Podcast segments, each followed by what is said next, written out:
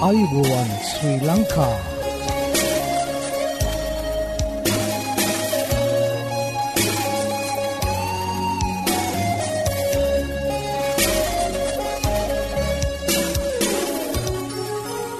ඔබට සුපදස මේ Adventist World radio බලාපොරොත්වය හඬ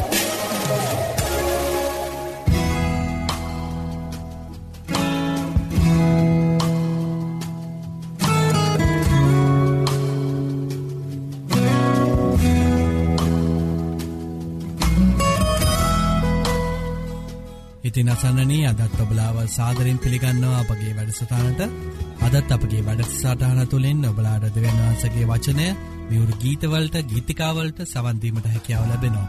ඉතිං මතක් කරන්න කැවති මෙම වැඩසටානගෙනෙන්නේ ශ්‍රී ලංකා 7ඩ ඇඩවෙන්ටිස් කිතුුණු සභාව විසින් බව ඔබලාඩ මතක් කරන්න කැමති. ඉතින් ප්‍රැදිී සිටින්න අප සමඟ මේ බලාපොරොත්තුවය හඬයි. අතදිනේ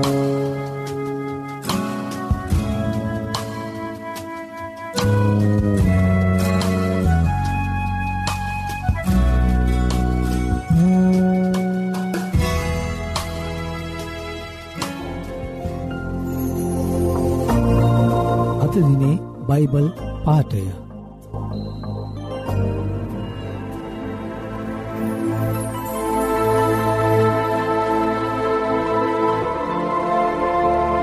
සේනාවන්ගේ දෙවි වූ ස්වාමින් වහන්ස ඔබ හා සමාන බල සම්පන්න කෙනෙක් කවරේද? ඔබ මුහුදේ උඩගුකම දමනය කරන සේක. එහි රැල නගින කල ඒවා නිශ්චල කරන සේක. ගීතාවලිය අසූ නම වන පරිච්චේදය අටේ සිට නමේ දක්වා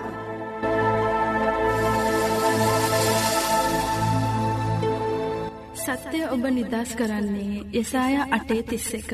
මේ සත්‍ය සොයමින් ඔබ අද සිසිින්නේද?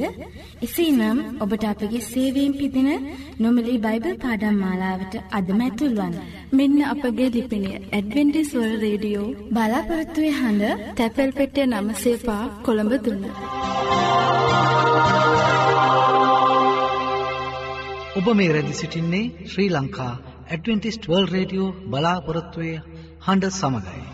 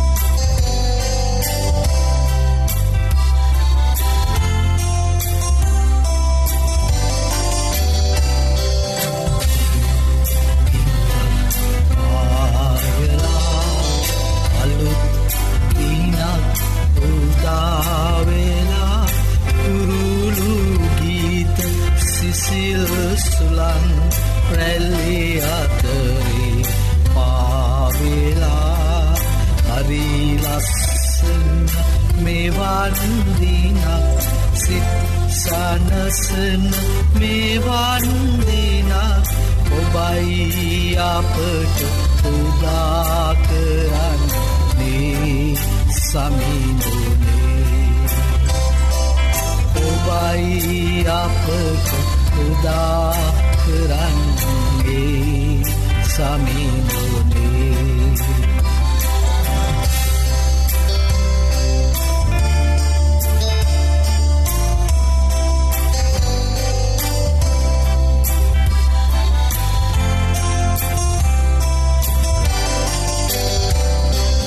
විදීන මගේ වැඩ සියල් සතුටු සිනා කඳුළුමෙන් මෙදීන මගේ වැඩ සියල් සතුටු සිනහා කඳුළුමෙන් ඔබ හට බාරයි. සමීදෙ ඔබ හට බාරයි.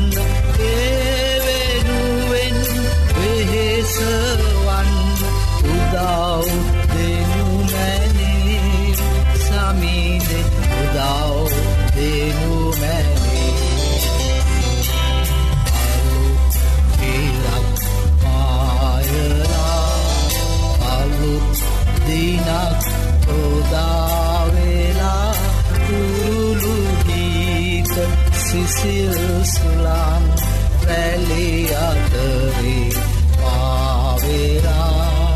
හරිලස්සන මේවන්දිනක් සිත් සනසන මේවන්දිනක් ඔබයි අපට උදා කරන්නේ. සමිදුනේ ඔබයි අපට උදා කරන්නේ සමිදුනේ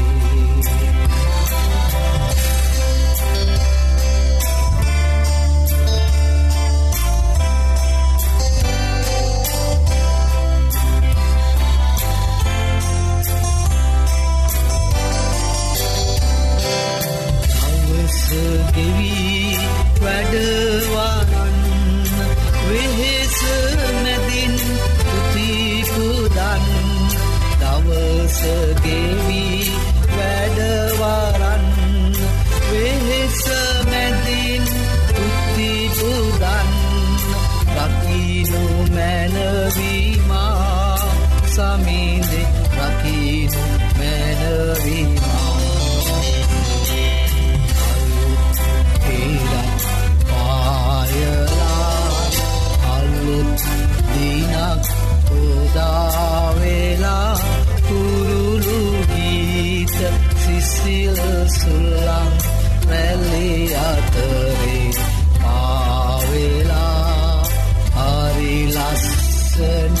මේවන්දිනක් සිත් සනසන මේවන්දිනක් ඔබයි අපට උදා කරන්නේ සමිදුනේ ඔබයි අපට උදා කරන්නේ සමිදුනේ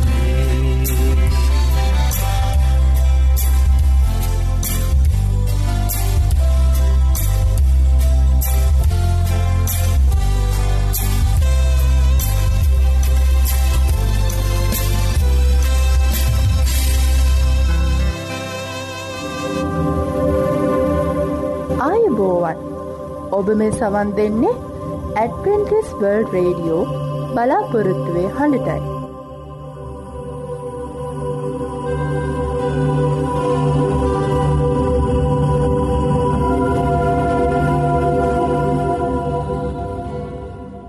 යෙසායා පනස්සිකේ දොළහා නුඹලා සනසන්නේ මමය. ඔබට මේ සැනසම ගැන දැනගානට අවශ්‍යද? එසේනම් අපගේ සේවය තුළින් නොමිලේ පිදෙන බයිබල් පාඩම් මාලාවට අදම ඇතුල් වන්න. මෙන්න අපගේ ලිපිනය ඇඩවෙන්ටිස් වල් රේඩියෝ බලාපොරොත්තුවේ හඬ තැපැල් පෙටිය නමසේ පා කොළඹ තුන්න.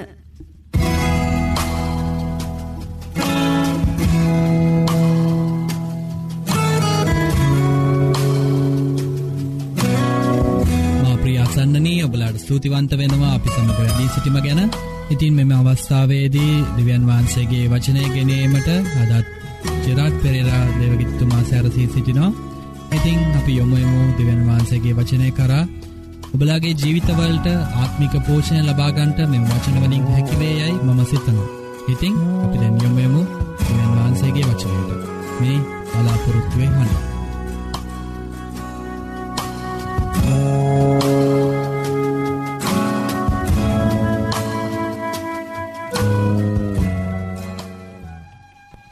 යෝනාගේ කතාව අද අපට ඉතාම වැදගත් වෙනවා.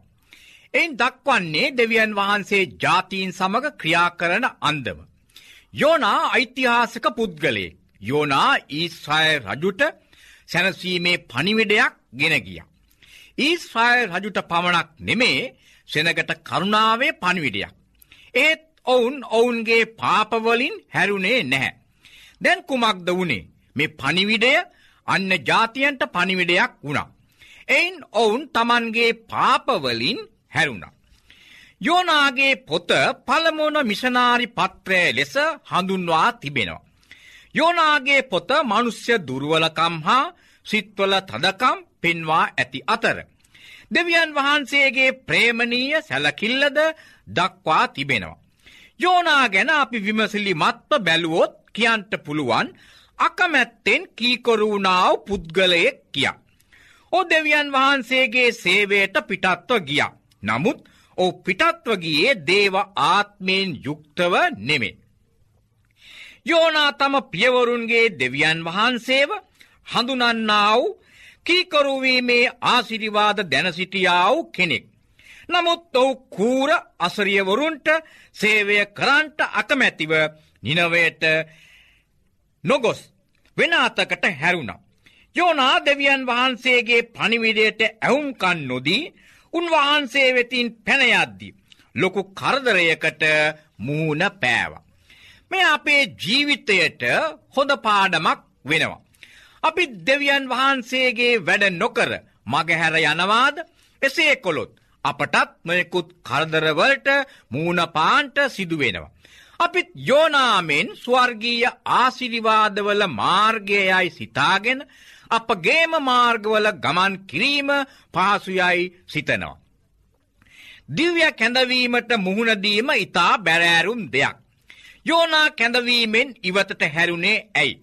නගරේ විශාල කමද. පනිවිඩය අසනු නොලබේ යන බිය නිසාද. නගරවාසීන්ට තිබූ බිය නිසාද. ජාතිවාදය නිසාද. මිත්‍යලබ්ධික වූ නගරයක් වූ නිසාද. දිව්‍ය කැඳවීමට අකීකොරු වූයේ අදහිරය මදි නිසාත් ඇදහිල්ලෙන් දුර්වල නිසා. අපට දිව්‍ය කැඳවීමක් පැමිණියොත් යෝනාමෙන් මගහැර යනවාද. එසේ කොළොත් අප විසින් අපට කරදර පාඩු ඇතිකර ගන්නවා. යෝනාගේ කතන්දරය අපට ඉතා වැදගත් වෙනවා. දෙවියන් වහන්සේගෙන් කුමනාකාර පනිවිඩයක් පැමුණුනත් ඒට කීකරුව එය ඇදහිල්ලෙන් බාර ගනිමු. දෙවියන් වහන්සේට මුළු මැවිල්ලම කීකරුවෙන්ට ඕන. දෙවියන් වහන්සේ යෝනාට යන්ට කීවේ නිනවයට. දැන් අපි බලමු නිනවය ගැන. නිනවය පිහිටියේ ටයිග්‍රීස් ගංගාවේ නැගෙනහිර පැත්තේ. එ ගොඩ නැගුවේ නිම්රොත්. එය එකල වූ විශාලම නගරයද අසිරියාවේ අගනුවරද වුණා. ඒ ප්‍රමාණය අක්කර එක්දාස් හයසිය හතලියක්. ජෙරුසල්ලම ගැන බලන අතර එය අක්කර අනුවටත් අඩුයි. නිනවේ නගර හතරක් ඈඳා සාදා තිබුණේ. එය මල්වතු පලතුරුවතු තන පිට්ටනි ධාන්‍ය කුඹුරුවලින් සමන්විතව තිබුණා. මේ නිනවය කොතනම් විශාලව තිබුණත් සරුසාරව තිබුණත් එහි විසූ සෙනගගේ තත්ත්වය කෙසේද. නිනවය දුෂ්ට නගරයක්. මිනීමරු බොරුකාර නගරය විනාසයට කැපකර ඇතැයි නාවුම් අනාගත වක්තෘවරයා ප්‍රකාශ කර තිබෙනවා.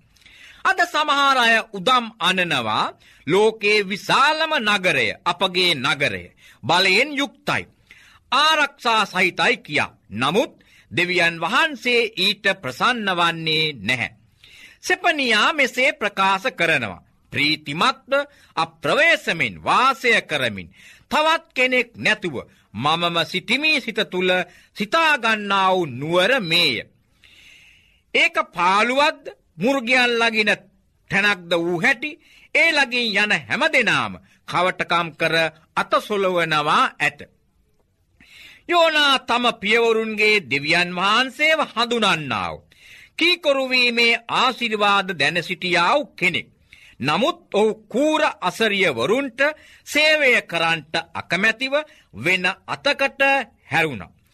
යෝනාව කැඳෙව්වේ නැගනහිර දෙසට යන්ට. නමුත් ඔහු නැවට නැගී ගමන් කළේ බටහිර දෙසට. යෝනා නැවේ අඩියේ සැඟවී නිදා සිටියම්. මේ අතර විශාල කුණාටුවක් හමන්න පටන් ගත්ත. බියටපත් නැවියන් යෝනාගෙන් ප්‍රශ්න කරන්ට පටන් ගත්ත. එවිට යෝනා මුහුද මැවූ තැනන් වහන්සේ ගැන නැවියන්ට කියා දුන්න. ඒ විතරක් නොවේ තම වගකීමෙන් පැනයන බව ලැජ්ජාවෙන් කියා සිටිය. කුණාටුවාවේ තමාව ආපසු ගෙනයන පිණිස බව යෝනා දැනගත්ත. බලන්න අන්න ජාතිකයන්ට යෝනාව පුපුදුවන්ට අවශ්‍ය වුණා. අපත් අවට සිටින්නන්ගේ අවශ්‍යතා සම්බන්ධයෙන් අපගේ සේවය මත නිදා සිටිනවාද. යෝනාව කැඳවනු ලැබුවේ දෙවියන් වහන්සේ ඔහුට රැගෙනයන්ට තිබුණේ උන්වහන්සේගේ පනිවිඩය. ඊටත් වඩා සහතිකයක් තවත් වුවමනා නැහැ. අවසානයේ නැවියන් යෝනාව මුහදට විසි කලා. ඒ මෝතේ මුහුද නිශ්ෂල වුණා. ඇත්තටම මේ අවස්ථාවේ නැවියන් ක්‍රියා කළ ආකාරය හරිද. ඔවු ඒ වේලාවේ ක්‍රියාව තමයි අවශ්‍ය. ස්වර්ගීය දෙවියන් වහන්සේ අපටත් යමක් කියන විට. අප නිස්සද්ද නොවී ක්‍රියාත්මක වෙමු. මහත් කුණාටුව යෝනාගේ සාක්ෂිය. කුණාටුව නිශ්සෙලවීම යන මේ සියල්ලම ජීවමාන දෙවියන් වහන්සේට නමස්කාර කිරීමට නැවියන්ගේ සිත් හැරුණ. අකීකරු සේවකයාගේ ගැලවීමට ගත් පුදුම ක්‍රමය ගැන සිතන්න. මෙය අපගේ ජීවිතවලට ඉතාම වැදගත් වෙනවා. යෝනා ගැඹුරු තද අඳුරේ දෙවියන් වහන්සේගේ ආලෝකය දුටුව. ගොඩදී දෙවියන් වහන්සේ ඉදිරියෙන් සැඟවෙන්ට උත්සාහ කළා. නමුත් දැන් ගැඹුරේදී උන්වහන්සේගේ දර්ශනයෙන් පිරිත සිටින්ට බය වුණා. යෝනාව දෙවියන් වහන්සේ ඉවත දැම්වේ නැහැ.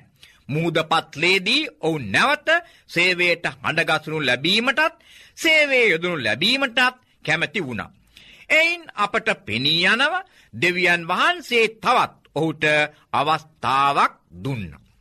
දෙවියන් වහන්සේ අදස් අදහස් කරන හැඩය පිළිගැනීමට මනුස්සයෝ බොහෝවිට ප්‍රමාද වෙනවා. මෙය කුඹල්කරුගේ අදක්ෂතාවය නෙමේ. මැටිවල තිබෙන තදකම. ප්‍රේමණීය සහෝදර සහෝදරිය අපගේ ගල්සිත පහකර සම්පූරණයම උන්වහන්සේට භාරවෙමු. එවිට ස්වාමින් වහන්සේ කැමති අන්දමට අපව හැඩගස්වා අලුත් කෙනෙක් කරනවා ඇත. අපි යාඥා කර.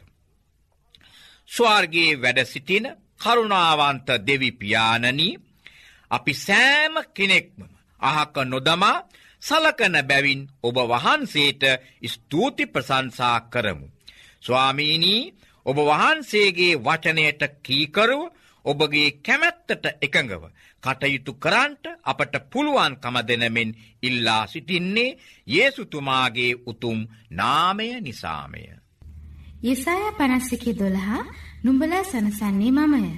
ඔබට මේ සැනසම ගැන දැනගානට අවශ්‍යද එසේනම් අපගේ සේවයේ තුලින් නොමිලේ පිදෙන බයිබල් පාඩම් මාලාවට අදම ඇතුල්වන්න.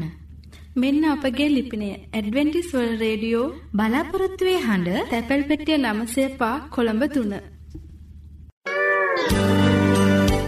ආයුබෝවන් මේ Adventist World Radio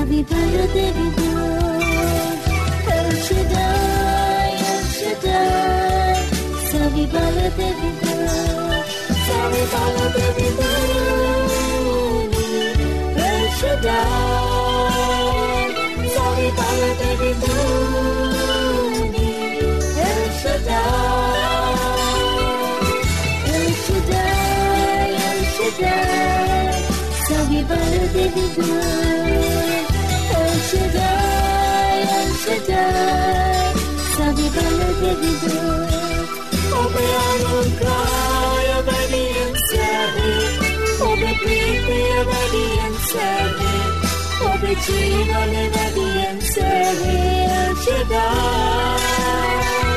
Obe zamagane obediențele, obe prema obediențele, obe vacile obediențele ce da.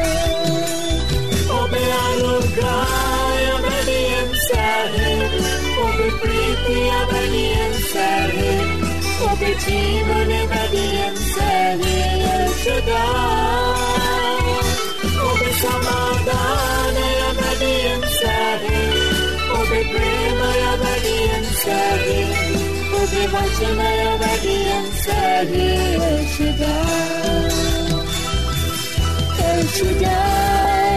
Shaddai, Savivayo Devido. El Shaddai, El Shaddai, Savivayo Devido. Savivayo Devido. El Shaddai, Savivayo Devido. El Shaddai.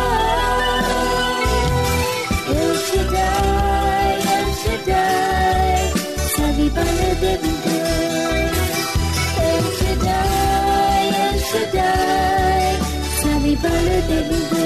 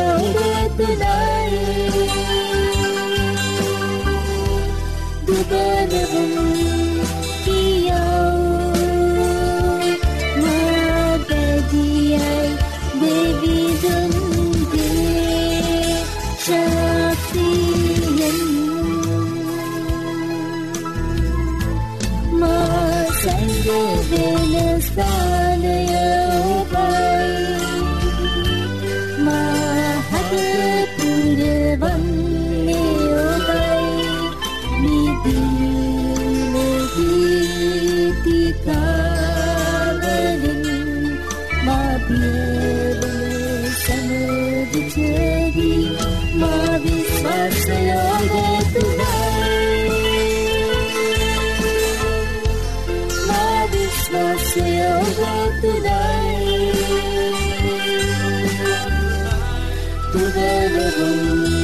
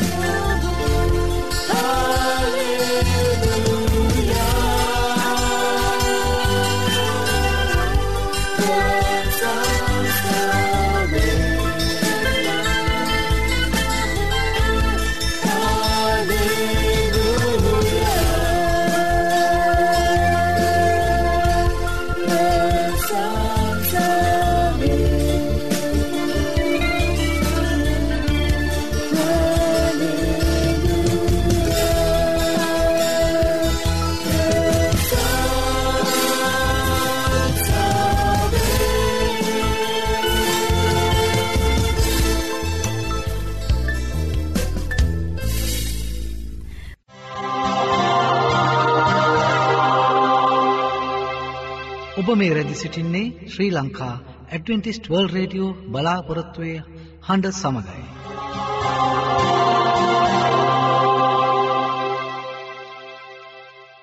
ධෛර්ය බලාපොරොත්තුව ඇදහිල්ල කරුණාවසා ආදරය සූසම්පත වර්ධනය කරමින් ආශ් වැඩි කරයි.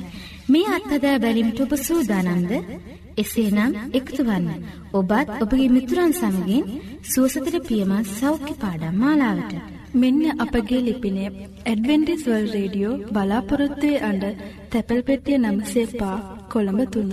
නැවතත් ලිපිනය Adventist World Radio බලාපොරොත්තුවේ හඬ තැපැල් පෙට්ටිය නමයයි බිඳුවයි පහ කොළඹ තුන්න.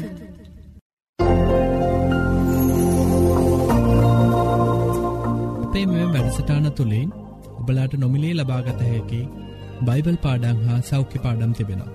ඉතිං ඔබලා කැමතිනං ඒවට සමඟ එක්වෙන්න අපට ලියන්න. අපගේ ලිපින ඇඩවෙන්ටිස් වර්ල් රඩියෝ බලාපොරත්තුවය හඬ තැපැල් පෙට්ටිය නමසේ පහ කොළඹ තුන්න මම නැවතත් ලිපිනේමතක් කරන්න.